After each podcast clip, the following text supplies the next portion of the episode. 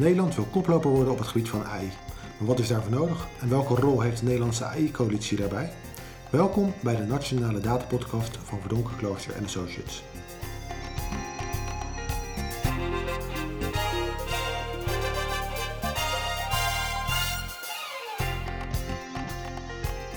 Welkom bij de Nationale Datapodcast, de podcast met inspirerende gasten en inzichten over het gebruik van data, algoritmes en artificial intelligence in de publieke sector. Mijn naam is Christian Verhagen en mijn gast vandaag is Kees van der Klauw, de coalitiemanager van de Nederlandse AI-coalitie. Welkom. Dankjewel. Uh, de Nederlandse AI-coalitie, een, een publiek-private samenwerking, uh, ik meen vorig jaar in het leven geroepen om AI in Nederland te stimuleren, ondersteunen en organiseren. Wat betekent dat voor u als coalitiemanager? Wat doet de coalitiemanager? Nou, dat is een goede vraag. ik doe nog uh, elke dag. ik ben begonnen als wat ze noemden coalitiestrateeg, een ronkende titel. Uh, maar eigenlijk was mijn opdracht om die publiek-private samenwerking vorm te geven. Ja, dus als stratege moet je nadenken van over waar wil je naartoe, maar je moet ook nadenken over hoe ga ik dit organiseren. Um, dus mijn opdracht was om die, die publiek-private samenwerking vorm te geven. Dus nadenken over welke samenwerkingsverbanden hebben we nodig, hoe betrek ik stakeholders, uh, wat wordt ons governance model. Uh, maar ja, strategie is één, dat is een stukje papier, maar implementeren is ook belangrijk. Dus dat is overgegaan van een strategische rol naar een, eh, een managementrol. Eh, en management klinkt een beetje directief, maar eigenlijk probeer je leiding te geven aan een heel team van enthousiaste en capabele mensen om te komen tot een goede publiek-private samenwerking. En wie, wie zit er allemaal in die samenwerking? Wie zijn de belangrijkste stakeholders? Nou, die stakeholders die hebben we breed gekozen. Dus de triple helix, dat is eh, een bekende term, hè? overheid, onderwijs, onderzoek en bedrijfsleven. En daar wordt vaak de burger vergeten, de eindgebruiker. En uh, met name voor AI, de technologie, is het van enorm belang om in een vroeg stadium die burger erbij te betrekken. Uh, maar daarmee heb je een enorm breed stakeholderveld, die vaak ook niet elkaars taal spreken en misschien ook niet elkaars kennis allemaal hoeven te hebben. dus hoe bouw je een ecosysteem waarbij kennis en kunde, ervaring complementair ja, samenkomt? Ja, en zo heb je wetenschap die heel diepe kennis heeft van AI. Mhm. Maar uh, eh, AI kan ook betekenen een, uh, een, routine op een computer waar heel veel mensen die niet weten wat er onder de motorkap zit, toch interessante dingen mee kunnen doen. En uiteindelijk die burger die zegt van ja, wil ik dit wel? Helpt dit wel om mijn probleem op te lossen? Ja, en, en nu heeft u naast een enorm breed uh, stakeholdersveld ook een torenhoge ambitie, namelijk om Nederland echt in een voorhoedepositie te krijgen op het gebied van, van AI, van kunstmatige intelligentie. Um, nu bent u pas een jaar bezig natuurlijk met de coalitie, maar kunt u iets zeggen, lukt dat een beetje? Of wat is daar nog meer voor nodig? Nou, het is een, een, eh, een moving target. Eh, dus uh, om, om te beweren dat je in de voorhoede zit, vaak wordt het als statisch doel geformuleerd, maar je moet blijven leren. want de wereld gaat heel snel. Dus ons uitgangspunt is niet zo slecht. Ook uit onderzoek blijkt dat we als het gaat om de Readiness Index. Mhm. Dus dat is de mate waarin een land klaar is om AI toe te passen. En dat wordt, uh, door, door derden wordt dat gemeten. Staat Nederland best hoog. Uh, maar uh, de, de buitenwereld is enorm snel aan het bewegen. dus de investeringen in landen om ons heen die nemen enorm toe. Dus ondanks dat je een goede uitgangspositie hebt, moet je denk ik redelijk paranoia zijn en zeggen ja maar dat is niet goed genoeg. Wij moeten aan de slag. En dat was de reden om die coalitie neer te zetten. Uh, we weten natuurlijk dat de Verenigde Staten en China dat die al behoorlijk ver voor liggen. Die zijn veel eerder begonnen. Of in ieder geval de Verenigde Staten, maar China haalt het op een andere manier in met een mhm. overheidsdirectief. Uh, en ja, ik denk dat Europa en met name Nederland moet aan de slag. Niet alleen om een concurrentiepositie uh, te bemachtigen, maar ook zeg maar autonoom te blijven in de toekomst. En wat denkt u, we moeten aan de slag als Europa, maar ook als Nederland zijnde, zeker als we kijken naar de machtsblokken, zeg maar Amerika en, en China. Wat kunnen we leren van die beiden, van Amerika en China? Ik denk dat we ondernemerschap, dat kunnen we leren van de Verenigde Staten. Dus daar zijn mensen met een heel duidelijke visie van waar zit in de toekomst het verdienvermogen, waar liggen de business control points. Die zijn gewoon begonnen. Uh, dus bedrijven als Amazon, die had denk ik 10, 15 jaar geleden al lang deze strategie. En die blijven al lang onder het radarscherm. Maar nu blijkt maar welke sterke posities ze hebben opgebouwd. En dat geldt voor heel veel platformbedrijven. Eh, en bovendien in Amerika is het geen schande om een keertje failliet te gaan. Er zijn heel veel start-ups die, uh, en dat moet je bijna gedaan hebben in je leven als uh, tikmark op je curriculum. Uh, gewoon proberen, leren, vallen, opstaan en doorgaan. en, en die cultuur is heel belangrijk ook in het leren omgaan met AI. Niet alleen technisch, maar ook maatschappelijk. Mhm. wat je van China kunt leren is dat als ja, in een, in een zeg maar, politiek systeem waarbij een duidelijke orchestrator is, of de baas, uh, dan gebeurt het gewoon. En in een grote thuismarkt, waarbij uh, top-down besloten wordt dat data beschikbaar is voor dit doel, ja, dat helpt wel.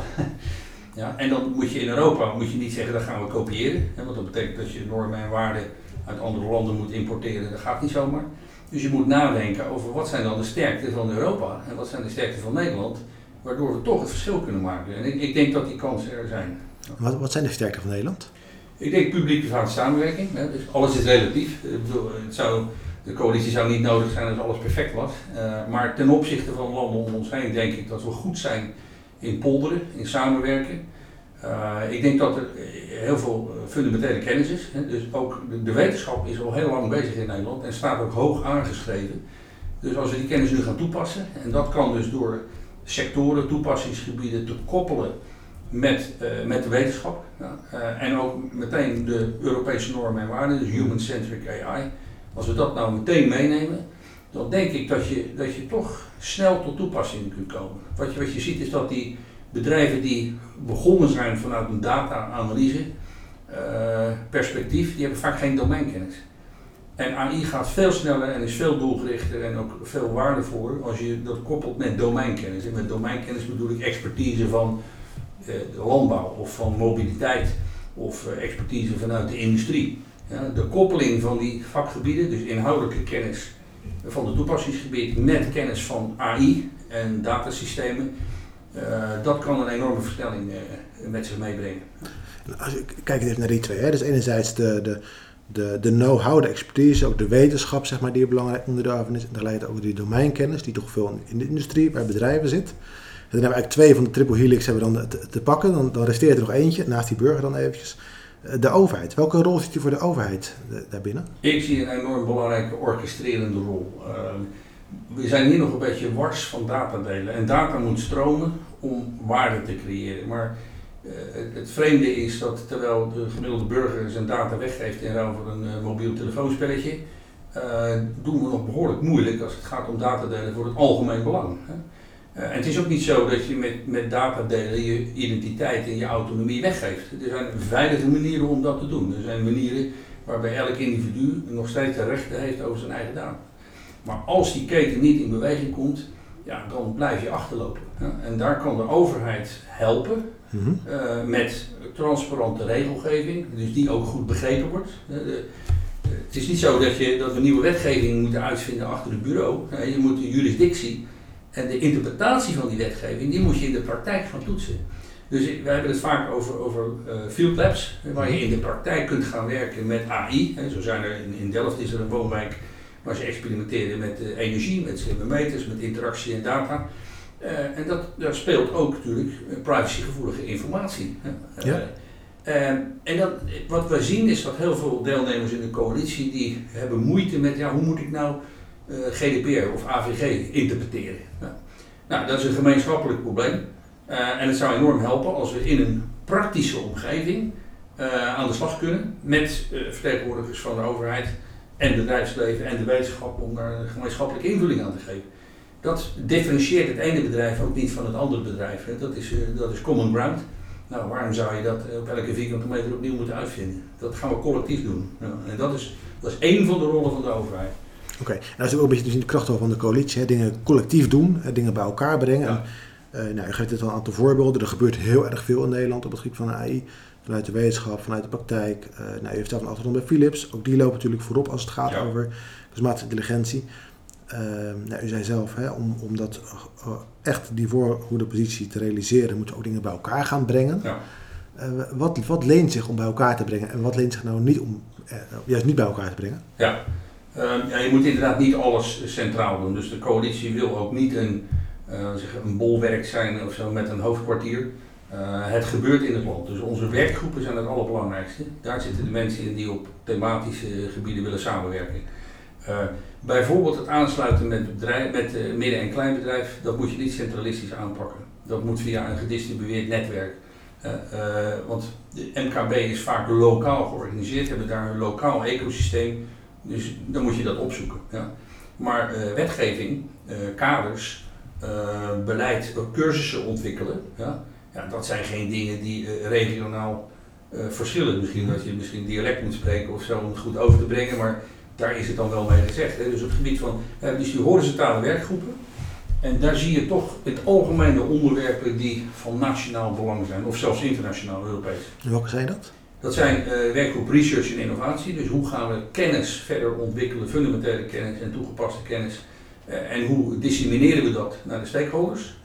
Uh, de tweede werkgroep is data delen. Ja, dus methoden om veilig en verantwoord data te delen en ook je businessmodel. human capital. dus ontwikkelen van van kennis, maar dan ook zorgen dat de bedrijfsbevolking langzamerhand wordt voorbereid op een toekomst waarmee ze met AI gaan werken. Want eh, je kunt niet zeggen, nou het zal mijn tijd wel duren tot mijn pensioen. Dat gaat gewoon niet gebeuren. Voor je pensioen gaat dit gebeuren. uh, de vierde werkgroep is, uh, noem MAKI, maatschappelijke acceptatie, kaders en inclusie. Ja, uh, en daar staat ook in ons investeringsplan een, een variant die heet ELSA Labs, Ethical, Legal and Social Aspects. Dat is die verbinding met de maatschappij. Eh, ook dat is, dat is deels centraal. Dus wetgeving en kaders en ethische normen die, die gelden niet regionaal, die gelden voor Nederland. Maar het gesprek moet je aangaan in de regio. Uh, dus daar wordt bijvoorbeeld samengewerkt met, met, met de bibliotheken en zo. En we gaan, daar, we gaan de burger opzoeken. En de laatste werkgroep die horizontaal is, maar eigenlijk is die diagonaal, dat is uh, start-ups en scale-ups. er zijn heel veel kleine bedrijfjes uh, vaak ontsproten aan universiteiten, waar een enorme dosis kennis zit, energie, snelheid. en die hebben gemeenschappelijke problemen. Dat is toegang tot kapitaal, met name groeikapitaal, toegang tot data en toegang tot partners met domeinkennis. Maar tegelijkertijd zijn die start-ups bezig in toepassingsgebieden, in energie en in transport en in veiligheid en zo. Dus die, dat is de verbinding die wij met die horizontale en de verticale proberen te maken. Ja. En die, die vierde werkgroep, hè, waar je bij stilstaan, die, ja. die is best complex denk ik. Je hebt het over de sociale aspecten, de, de, de juridische uiteraard, maar ook de ethische aspecten van AI. Uh, iets waar er ook heel veel discussie over is, zeker ook in deze, in deze tijd. Hoe borgt u vanuit de AI-coalitie dat al die aspecten ook op een goede manier worden benaderd? Ja, ik, dat, is, dat is lastig in die zin dat je hebt altijd specialisten nodig, hè, die in een bepaald vakgebied heel veel weten en daarover nadenken, maar je hebt ook verbinders nodig. Ik denk dat dat trouwens een, een kenmerk is van, eh, van digitalisering en innovatie in het algemeen. Hè. Waar je vroeger topspecialist kon zijn en bijna alles zelf kon uitvinden, dat is, dat is afgelopen. Dat is dus 25, 30 jaar geleden begonnen. Uh, en je moet nu met heel veel specialisten uit verschillende vakgebieden, die vaak op elkaar taal niet spreken, moet je aan de slag. En dat is ruimte voor een nieuw specialisme. Namelijk de verbinders, de platformmanagers. Uh, sommige universiteiten spreken daar ook over. Hè. Dus T en pie-shaped profielen. Dat zijn mhm. mensen die weliswaar hun eigen vakgebied goed kennen, maar ook het vermogen hebben om uh, zeg maar naar andere gebieden een verbinding te leggen. Nou, dat is typisch wat we proberen in die AI-coalitie. Mhm. En dat zijn persoonlijke kwaliteiten. Dus ja, je, komt de mensen vanzelf tegen uh, die, en die kwalificeren zichzelf ook omdat ze zich dit soort onderwerpen aantrekken. Ja. En nou, die geven je een rol. Ja. En nou, ga het maar doen en we gaan je helpen. Uh, en zo ontstaat vertrouwen. Dus dan moet je een beetje, een beetje helpen, een beetje beschermen. Maar ik, denk, ik, ik zie hele positieve effecten nu. Alleen al uh, door het feit dat we die coalitie neergezet hebben. En gezegd hebben, nou dit is wat we gaan doen. En dat heeft een zelfversterkt effect. We worden geholpen door de overheid. Uh, ja, ik, ik, denk dat dit, dat dit goed, de goede kant op gaat. Ja, nou, goed, goed, om te horen. Je dacht ook, nou eigenlijk hebben we die, die wat meer die, die T-shaped, zo mooi gezegd, die wat meer generalisten ook wel, de, de verbinders hebben we ook echt nodig. Zeker ook binnen de coalitie, maar ook binnen Nederland. Om al die aspecten, dat, dat grote vraagstuk van AI op een goede manier op de kaart te zetten. Um, en dan hebben we het ook over een ecosysteem, dat woord heeft u een paar keer genoemd. Hoe, hoe kijkt u naar uh, het AI-ecosysteem in Nederland? Wat is het ecosysteem? Ja, dit is een beetje abstract natuurlijk, ecosysteem. Voor mij is dat uh, waar veel dingen samenkomen. dus waar integraal gekeken wordt. Dus een, een ecosysteem van alleen maar wetenschap, ja, dat, is, dat is een subsysteem. Dus voor mij is een ecosysteem eh, echt iets wat, uh, wat, wat self-contained is, dus wat zichzelf in stand kan houden. Dat betekent dat je en moet kijken naar maatschappelijke uh, aspecten, naar economische aspecten.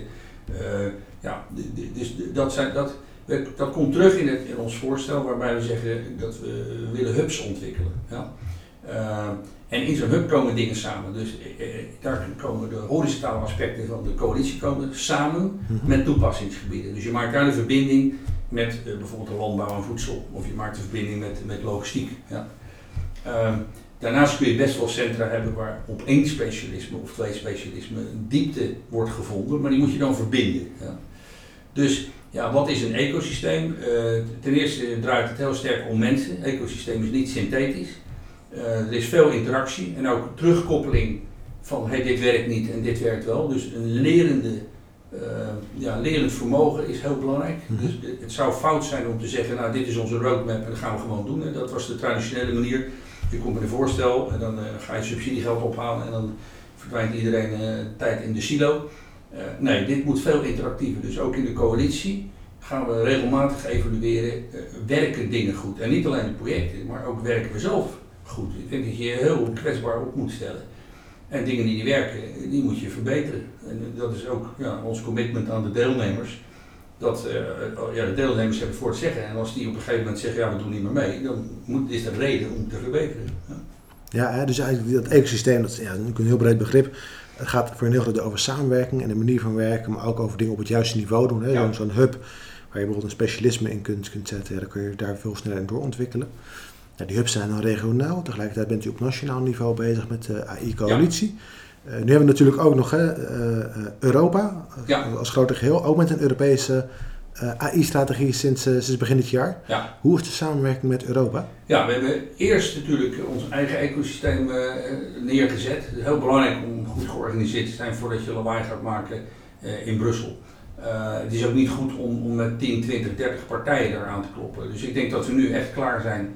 En we zijn trouwens al in contact met Brussel. Ik zit, volgende week zit ik in een Europees panel. dat gaat over, over de regelgeving die men gaat invoeren. Dus ik denk dat we nu klaar zijn als coalitie om, een, om een vuist te maken. Mm -hmm. En ook Nederlands als ecosysteem aan te bieden in plaats van allemaal losse fragmenten. Daarvoor hebben we een aparte zeg maar werkgroepje. Je hebt eerder al gesproken met Marloes Plomp, die, die speelt daar een belangrijke rol. Maar we hebben Europese liaisons, iemand in Brussel, iemand in Nederland. dus we kijken in samenwerking met het ministerie van Economische Zaken steeds vaker naar onze relatie met het buitenland. Nou, een mooi voorbeeld is dat we binnenkort gaan praten in het Benelux-verband. Uh, en daar valt ook wel schaalgrootte te halen. Dus na natuurlijk zijn er interessante samenwerkingsverbanden, bijvoorbeeld op Industrie 4.0 met Duitsland. Maar een heel specifiek onderwerp is het Nederlands taalgebied. AI voor de Nederlandse taal, dus Natural Language Processing. En het Nederlands taalgebied is heel klein. Dus als je dat per sector probeert te organiseren, dat gaat gewoon niet lukken. Dat kost veel te veel geld. Maar we zien nu al in de coalitie dat er drie, vier, vijf werkgroepen zijn die zeggen, nou eigenlijk hebben wij allemaal behoefte aan natural language processing voor het Nederlands taalgebied. Maar dat, in Vlaanderen gebeurt hetzelfde. Ja. Dus daar kunnen we denk ik schaalvergroting uh, verkrijgen. Ja. Dat is een behoorlijke opgave, kan je me voorstellen, op al die niveaus om dit voor elkaar te krijgen. Ja, je moet snel schakelen, maar met een, met een leuk team die ook steeds meer een gemeenschappelijke visie ontwikkelt. Uh, maar ja, als het niet moeilijk is, is het niet leuk. Uh, ja. Wat, wat is het moeilijkste? Wat is je grootste uitdaging voor, voor dit jaar? Um, voor mij persoonlijk is uh, dat aan het eind van het jaar de deelnemers zeggen: hey, dit is de moeite waard. Wij blijven deelnemer. En dat mag niet alleen afhankelijk zijn van subsidie verkrijgen. Ik weet hoe het traditioneel in elkaar zit. Uh, maar deze coalitie is meer dan een subsidie ophalen en verdelen. Dat, dat zou niet goed zijn. En we zien nu al dat zonder enige subsidie dat er heel veel gemeenschappelijk leren uh, mogelijk is en ook snelheid maken. En dat is puur op basis van wat deelnemers zelf inbrengen. Dus voor mij is succes als de deelnemers zien dat met collectief belang te dienen, dat ze daar hun ook hun eigen belang mee dienen. Want elke stakeholder zit erin met een eigen belang en daar is niks mis mee. Maar ze moeten zien dat er veel te halen valt door samen te werken. Het collectief belang.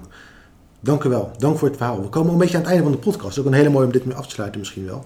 Maar zoals je weet vragen we aan het einde van de podcast altijd nog de vraag van ja, wie zouden we nou voor een volgende podcast moeten uitnodigen. En dit bijvoorbeeld, wie heeft nou nog meer een heel inspirerend verhaal als het gaat over AI? Uh, eh, ja, dat is een goede vraag. Uh, nee, we begonnen al met de, de stake, het stakeholderveld. Dat is heel breed. Ik denk dat je een, een burger moet uitnodigen. Uh, gewoon eens praten met iemand in de straat van ja, wat vind je nou van AI, wat is het, ben je bang voor en wat is hier voor mogelijkheden? Nou, de burger bestaat niet. Dat is voor ons ook een uitdaging om mee in gesprek te komen. Maar een hele goede, denk ik, zou zijn Marieke van Putten. Die is de werkgroepleider van de werkgroep um, overheid dienstverlening. dus daar, daar zitten overheden in, het ministerie van Binnenlandse Zaken. En die zijn erg goed bezig, denk ik, met het betrekken van burgers. sociaal-maatschappelijke ethische kaders. en toch aan de slag gaan als overheid met AI. Dus dat lijkt me een interessante werkwoord. Mij ook. Dank, dank voor deze suggestie en dank voor uw verhaal. Graag gedaan.